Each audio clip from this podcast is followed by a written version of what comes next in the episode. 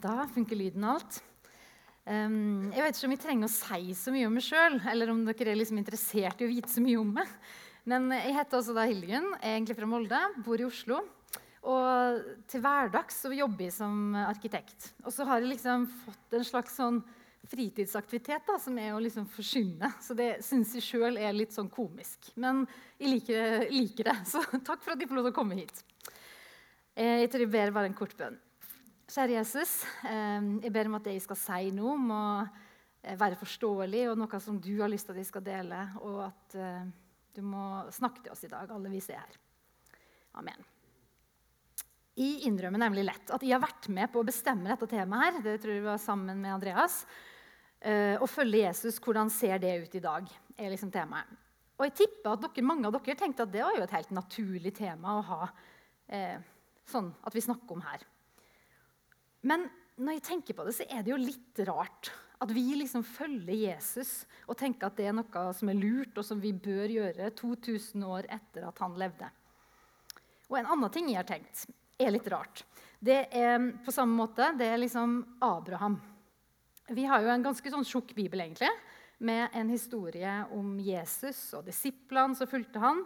Og så har vi et så ganske gammelt eh, testamente om folk som venta på Jesus, og som og om at han nettopp han skulle komme. Men hva hadde egentlig Abraham? Hva hadde han, liksom? I 1. Mosebok kapittel 12 så møter vi Abraham. Og det har jo på en måte ikke skjedd, skjedd så veldig mye siden verden ble til. Men på en annen måte så har det skjedd litt av hvert òg. De holder på å fylle jorden og bli mange. Det har vært storflom og kaos i Babel. Og så syns jeg at det er litt rart at Abraham, som han på den tida heter, kjenner igjen Guds stemme. Altså, Gud har jo ikke så mange måter å snakke til Abraham på. Han har f.eks. ingen bibel, han har ikke noe kirke, tempel eller en prest eller en pastor. Altså Seinere møter han han Melkisedek, som var konge og prest. Men her virker det som det er bare Abraham og Gud. Og så står det Herren sa til Abraham.: Dra bort fra landet ditt og fra slekten din og fra farshuset ditt til det landet som jeg skal vise deg. Jeg vil gjøre det til et stort folk. Jeg vil velsigne deg og gjøre navnet ditt stort. Du skal bli til velsignelse. Jeg vil velsigne dem som velsigner deg, men den som forbanner deg, skal jeg forbanne. I deg skal alle slekter på jorden velsignes. Så dro Abraham. Det er jo litt vanskelig for meg å sette meg inn i hvordan dette var for han. Altså, Han var jo en mann. Der, ja. Men han hadde jo ikke sosiale medier. Eh, han har sannsynligvis ikke så lang skolegang som det vi har. Eh, han har ikke lært om å være kritisk til kildene eller eh, hørt om alternativ fakta eller fake news. Men hva hadde jeg gjort hvis jeg var han? Hvis jeg hadde hørt dette fra Gud? Hadde disse små versene her liksom vært nok for meg til å bryte opp? Jeg har tenkt litt på, Kanskje han hadde det litt kjedelig? Eller fælt?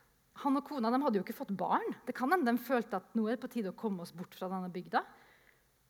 Eller kanskje han trengte et eventyr. Men jeg tror ikke det.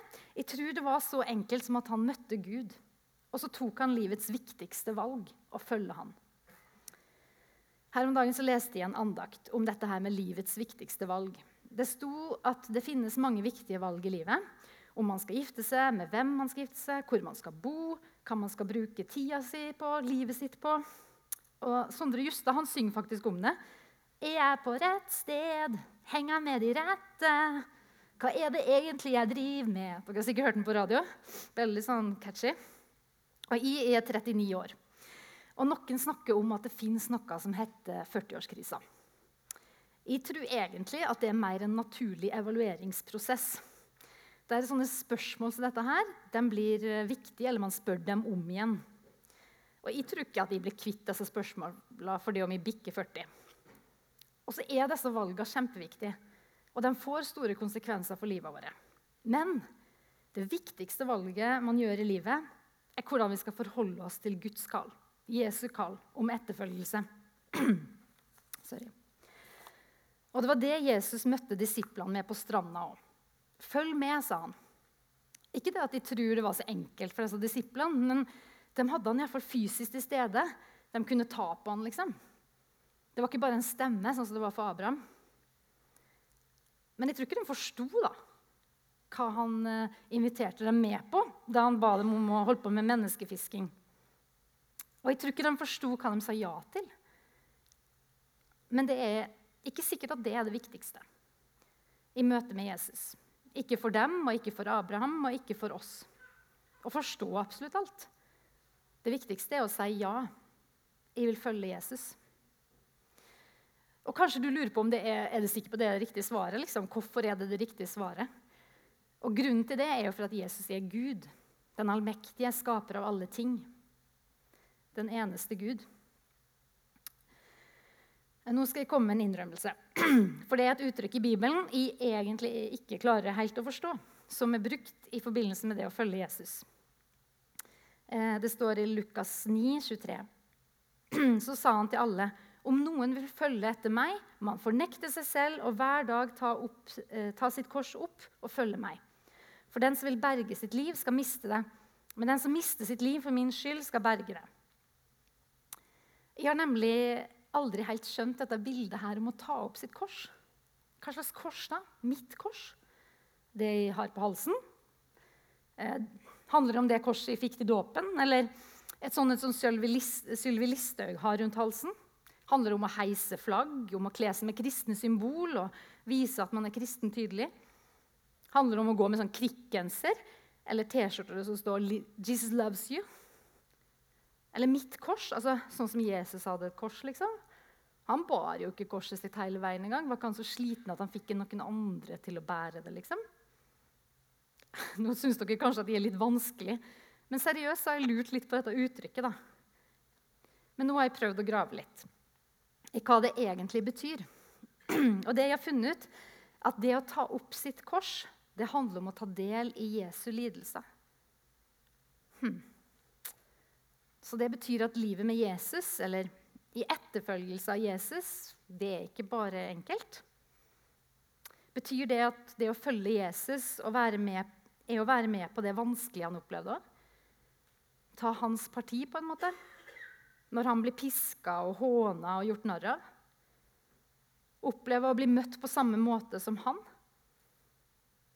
Nå tror jeg at det er noe sånt det handler om. Det å ta opp sitt kors. Samtidig så holder jeg fast på min naive tru som jeg fikk da jeg var et barn. For Da jeg var liten, så trodde jeg at hvis Jesus ikke hadde kommet og ikke hadde dødd på korset, så måtte jeg dø. Altså, jeg ser for meg et, jeg vokste opp i Japan, så jeg ser for meg en misjonærkonferanse der noen misjonærer har fortalt meg dette her, og jeg tok det veldig bokstavelig. At da ville det være sånn at lovene og reglene ville vært sånn at hvis jeg gjorde noe galt, som f.eks. lyge eller ta noe som ikke var mitt eget, fra broren min, for eksempel, så måtte jeg dø på et kors. Og jeg var veldig glad da, for at Jesus kom og døde en gang for oss alle, sånn at det ble slutt på denne tradisjonen med å henge folk på korset. Sånn at jeg slapp det. Og det tror jeg på en måte fortsatt på. Kanskje ikke så konkret som da. Å følge Jesus i 2019 betyr noen ganger å bli spytta på. Å bli ledd av. Og mange mye verre ting enn det. Det er fortsatt mange plasser i verden det er ikke lov til å skifte religion. Hvor det er ulovlig å, å eie en uh, bibel eller følge Jesus offentlig. Og det er ikke bare lett for oss i Norge heller. Jeg er sikker på at mange av dere har opplevd at dere blir behandla annerledes. Eksempel pga. deres tro eller pga. prioriteringa man gjør pga. troa. Og så tror jeg at det å følge Jesus er mer òg enn å ta opp sitt kors. For Jesus han gjorde jo mye mer andre ting også enn å ta og dø på korset. på en måte. Mer enn å lide. Og jeg tror at vi kan liksom lese Bibelen og finne ut hva det vil si å følge Jesus, og han, ved å se på hva han egentlig drev på med. Og det tenkte vi skulle gjøre nå. Så hva drev Jesus med? For så drev han og helbreda. Når man leser om det i Bibelen, så syns jeg det høres litt sånn kaotisk ut. Det står at alle ble friske, og masse folk fulgte etter ham. Og han gjorde jo dette som oftest på veldig sånn mirakuløst vis. Både han og disiplene faktisk. De ba, og folk ble helbreda. Og det tror jeg vi skal få lov til å være med på. Vi skal få lov til å legge dem som er syke, fram, salve dem og be for dem Og vi skal få oppleve mirakuløs helbredelse. Men jeg tror òg at det å følge Jesus er å holde på med det vi ser på som mindre mirakuløst. Det å hjelpe til med å gjøre folk friske, f.eks. For eh, forske på ny medisin. Eller pleie syke, skifte bandasje på sår. Gi omsorg og tid til å lytte til folk. Det er å følge Jesus, tenker jeg. På, på samme måte skal vi få lov til å mette 5000. Eller, det viktigste er jo ikke antallet, og heller ikke hvordan. Men Jesus han så at folk var sultne, og så ga han dem mat. De hadde jo helt sikkert klart seg uten mat det døgnet de var sammen. Og vi gjennomsnittsnordmenn vi har i hvert fall nok spekk til at vi hadde klart oss en dag eller to uten mat. Men det er viktig og rett å spise seg mett. Og jeg tror at det å lage mat er noe av det Jesus vil at vi skal gjøre. Til hverandre og til andre. Å følge Jesus det er å invitere på middag og ta med mat til kirkekaffen. Eller det er ikke bare det som skjer på, på kjøkkenbenken hjemme, tenker jeg, eller hvor som helst, men òg i den store sammenhengen. At vi skaper verdi, liksom. At vi faktisk lager mat, produserer mat. Eller verdier som gjør at vi kan kjøpe mat. Og så deler vi av den maten og verdiene vi har fått, med alle som er til sultne i verden. Ok, og så forsynte jo Jesus. Han forsynte Guds rike. Guds rike er nær, sa han. Og han la ut om skriftene, altså Gammeltestamentet, og forklarte dem hva som sto. Før han døde, så var det kanskje begrensa hva de fleste forsto.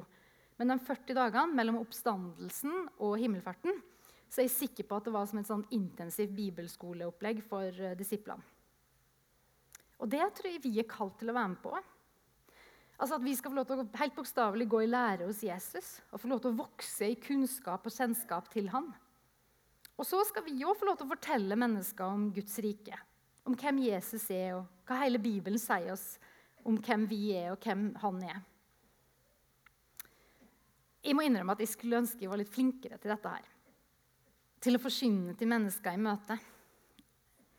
Jeg husker en gang på en jobb jeg hadde for lenge siden, en av mine første jobber så var det noen som spurte rett før en påskeferie om hvorfor vi feirer påske. Og Det føltes som jeg endelig skulle få lov til å dele evangeliet på jobben min. Eh, og Jeg tror jeg rakk, å si, rakk å si noe om utgangen av Egypt og om at Jesus døde på korset. faktisk. Eh, men så kom han sjefen min, en godt voksen mann, og sa at eh, han hadde hørt at det var pga. at det var så mye tørke at israelsfolket hadde klart å gå tørrskodd over Rødehavet og liksom torpedere hele historien min. føltes det som. Og Jeg klarte ikke å si noe annet enn at, og jeg klarte ikke å komme på dette her om at egypterne døde jo òg i det samme vannet. liksom. Men, så jeg sa bare noe sånn som Ja, det er jo en veldig spennende historie, da. Men å følge Jesus det er å forsvinne. Selv om vi syns at vi mislykkes i det. For det er ikke bare en veldig spennende historie. Det er verdens beste historie vi har å dele. Jesus han hang med folk. Det virker som han var veldig sånn sosial. Det var masse folk rundt han alltid. Han hadde noen veldig gode venner. Den nærmeste disiplene hadde han med seg overalt. Og jeg tror han likte å være sammen med dem. Jeg tror de festa og lo og hadde det skikkelig gøy. Ikke sånn fyllerør med prostituerte på bordet som dansa. Altså. Ikke hvis dere har sett den der forferdelige serien Exit på NRK. Ikke sånn festing. Men han ble med Sakkeus hjem, og det var fest og glede. Og vi òg skal få lov til å feste. Vi skal feire livet og alt som er godt i det. Jeg liker veldig godt der det står at vi skal smake og kjenne at Gud er god. Jeg tror vi kan oppleve dette litt forskjellig. Noen av oss trenger kanskje å høre dette mer enn andre. Jeg har de siste åra lært meg å smake på det gode på en måte. Og jeg er ikke oppdratt så veldig pietistisk. Jeg vil absolutt ikke si det. Men jeg tror at jeg var liksom, et litt sånn veslevoksent barn, um, og kanskje litt alvorlig. Og så tok jeg dette kallet om å følge Jesus og bli menneskefisker veldig alvorlig. Og tenkte at jeg ikke kunne susle bort noe tid på å gjøre ting som bare var gøy. Jeg måtte bruke tida mi fornuftig. Etter videregående så gikk jeg et år på bibelskole Fjellhaug i Oslo. Og Året etter så reiste de til Japan for å jobbe frivillig i en menighet et år. Og Det året så hadde de noen venner som drev og jobba, og så reiste de verden rundt istedenfor. Og det, det hadde vært helt uaktuelt for meg å gjøre. Jeg skulle enten tjene Jesus i kirka eller ved å studere. liksom. Jeg kunne ikke bare reise bare fordi det var gøy. Og jeg fikk et helt fantastisk lærerikt år eh, som jeg ikke ville vært foruten. Og jeg vil anbefale alle sammen, både bibelskole og å være ettåring. Men det hadde jo ikke vært feil å reise jorda rundt bare for gøy heller.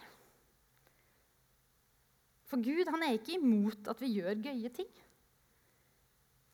Jeg tror kanskje noen av dere kanskje har vært litt sånn som meg. Og så er det kanskje noen andre som har alltid valgt det gøye. Alltid har valgt å smake på det gode i livet. Sånn er vi litt forskjellige.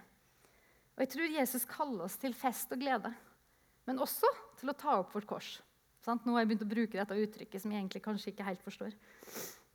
Men jeg tror at det å ta opp sitt kors betyr legge, ikke betyr å legge en byrde på seg sjøl eller passe på å ikke ha det for gøy. Jeg tror vi skal glede oss og være glade mens vi tar opp korset. på en måte. Og så var det nok ikke fest hver dag for Jesus. For noen år siden kom det en film om Maria Magdalene. Det var en litt sånn feministisk eh, film, egentlig. Um, den, det, var sånn at, det var på en måte bare kvinnene som egentlig forsto eh, altså de kvinnelige disiplene som forsto Jesu budskap og virkelige oppdrag. kom det fram i filmen. Men den portretterte si Jesus på en veldig fin måte. Synes jeg. Og for meg en veldig tankevekkende måte. For Jesus, eh, særlig på slutten i filmen, så er han, han litt sånn trist. på en måte. Han er litt tynga. Og det er når de er på vei til Jerusalem. Jesus har det vanskelig. Og jeg har tenkt på dette etterpå. At selvfølgelig var det sånn. At han var litt down, da. Når vi leser om hvordan han ber i Getsemane eller Jesus han var både redd og lei seg. Vi finner òg vers om at han gråt. Det var når han så andres sorg. Å følge Jesus det er ikke å bare være et solskinnsbarn eller en gladkristen. Det er lov å gråte når man følger Jesus òg. Og bli sint. Jesus ble jo kjempesint eh, når han så hva som foregikk på tempelplassen. Og Noen ganger må vi jo løfte våre stemmer mot urett og urettferdighet. Det er ikke alltid rett å bli sint, men noen ganger er det viktig å bli sint for å stå opp mot det urettferdige. Og som sagt var Jesus sammen med folk veldig ofte. Masse folk. Men det står òg at han trakk seg unna. Og det trenger vi òg. For noen år siden begynte de å starte hver dag med kaffe i senga.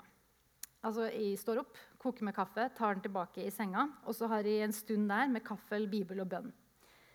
Um, og jeg veit at jeg er heldig. Jeg har fleksitid på jobben min, og det er ingen andre enn meg sjøl jeg bor alene, som jeg trenger å ta hensyn til om morgenen. Og dette her, det er noe av det beste som har skjedd i livet mitt. Jeg har tulla med at jeg tror det er bra for meg fordi om det ikke er sant at Jesus fins. For livet er så masete i dagens samfunn, og vi trenger et sted der vi kan sitte og kjenne etter. Og, og møte Gud med hele vårt liv. Og det er ikke sikkert om dette funker for det. Eller der du er i livet, ikke minst. Men jeg vil anbefale at du finner din plass der du kan møte Jesus. Der du kan bruke tid med han og at det prioriteres oftere enn sjelden.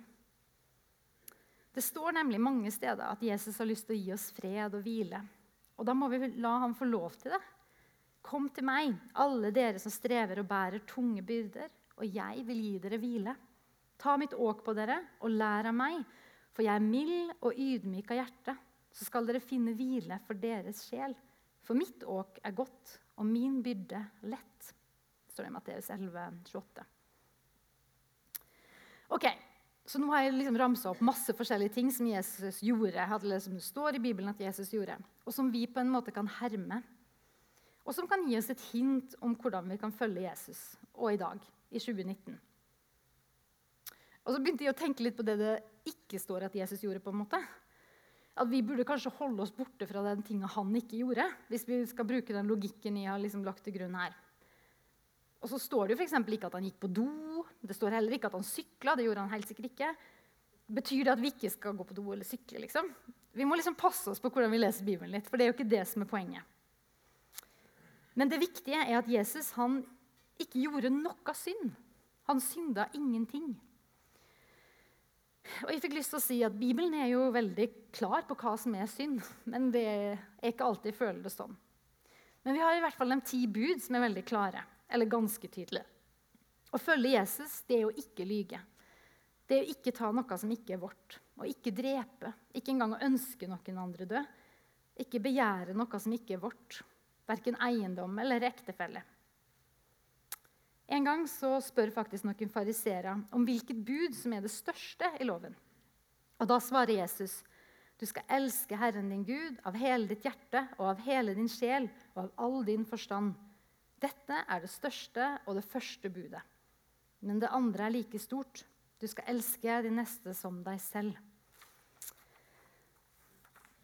Dette er konklusjonen, tenker jeg, på det Jesus egentlig gjorde mens han var her. Han elska. Han og han viste oss hvordan vi skulle elske. Han og Gud Fader og Den hellige ånd og oss sjøl og hverandre. Og det er ikke så enkelt. Men jeg tror her òg at vi er nødt til å begynne med Jesus. Han elsker det så mye at han er villig til å lide og dø for hver enkelt av oss. For å ha fellesskap med oss. For å ta oss med til evig fest og glede i himmelen. Han bryr seg om det du er opptatt av. Han er full av barmhjertighet og nåde og lengter etter å vise det den hver eneste dag. Og Det er lett å glemme dette, her, for det er noe vi har hørt mange ganger. Og Derfor er vi nødt til å minne oss på det. For det er sant også når vi driver og bærer på korsene våre. Altså lider med Jesus på forskjellige måter. For uten at han elsker oss, så er det veldig vanskelig for oss å elske oss sjøl å elske oss seg sjøl kan jo høres litt sånn feil ut, det òg kanskje. Men det handler jo om å ta vare på seg sjøl og ta ansvar for seg sjøl. Og så handler det om å se seg sjøl med Jesu øyne. For han, han ser på oss og så syns han at vi er gøye og vakre og smarte.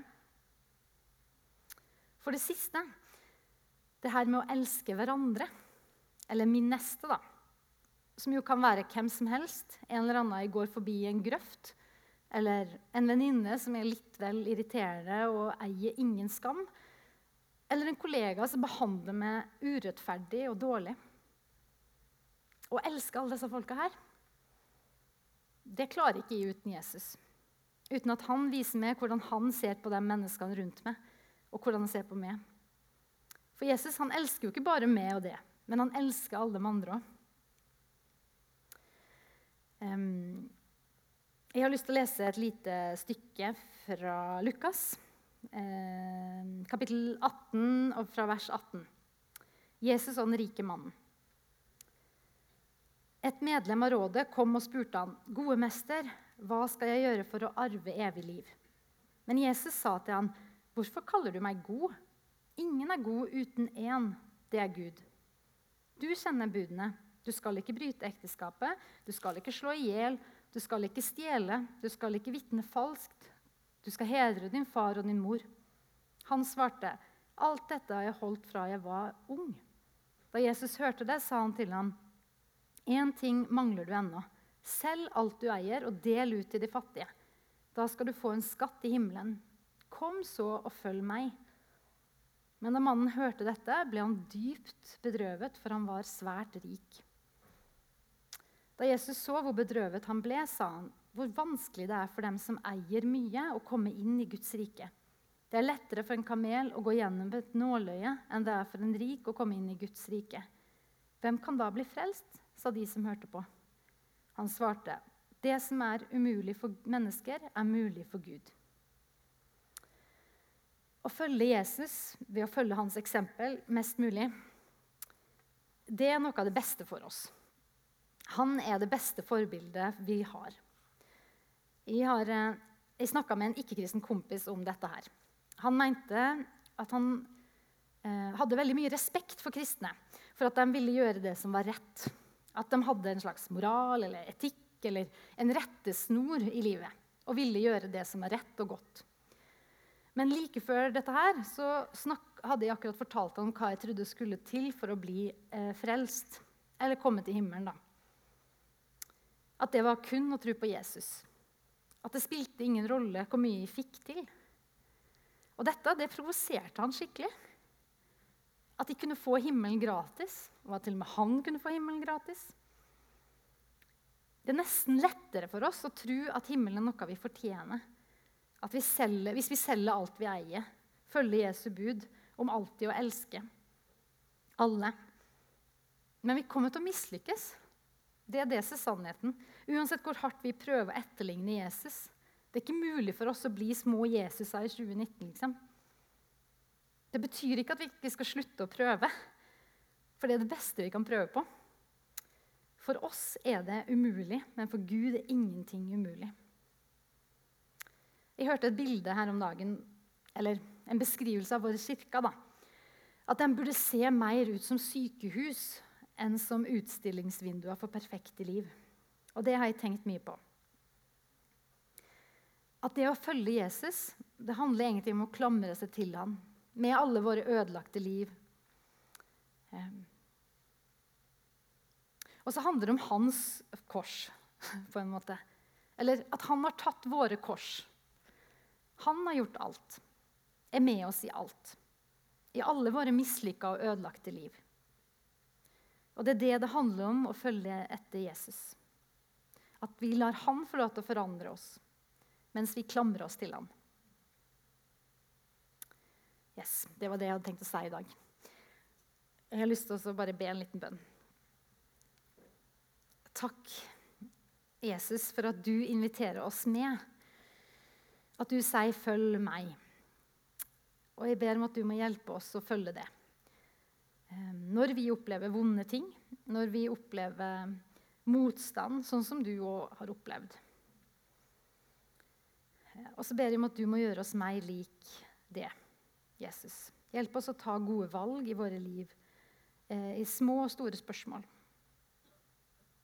Og så ber jeg om at du må holde oss fast når vi klamrer oss fast i det. Og takk for at ingenting er umulig for det. Amen.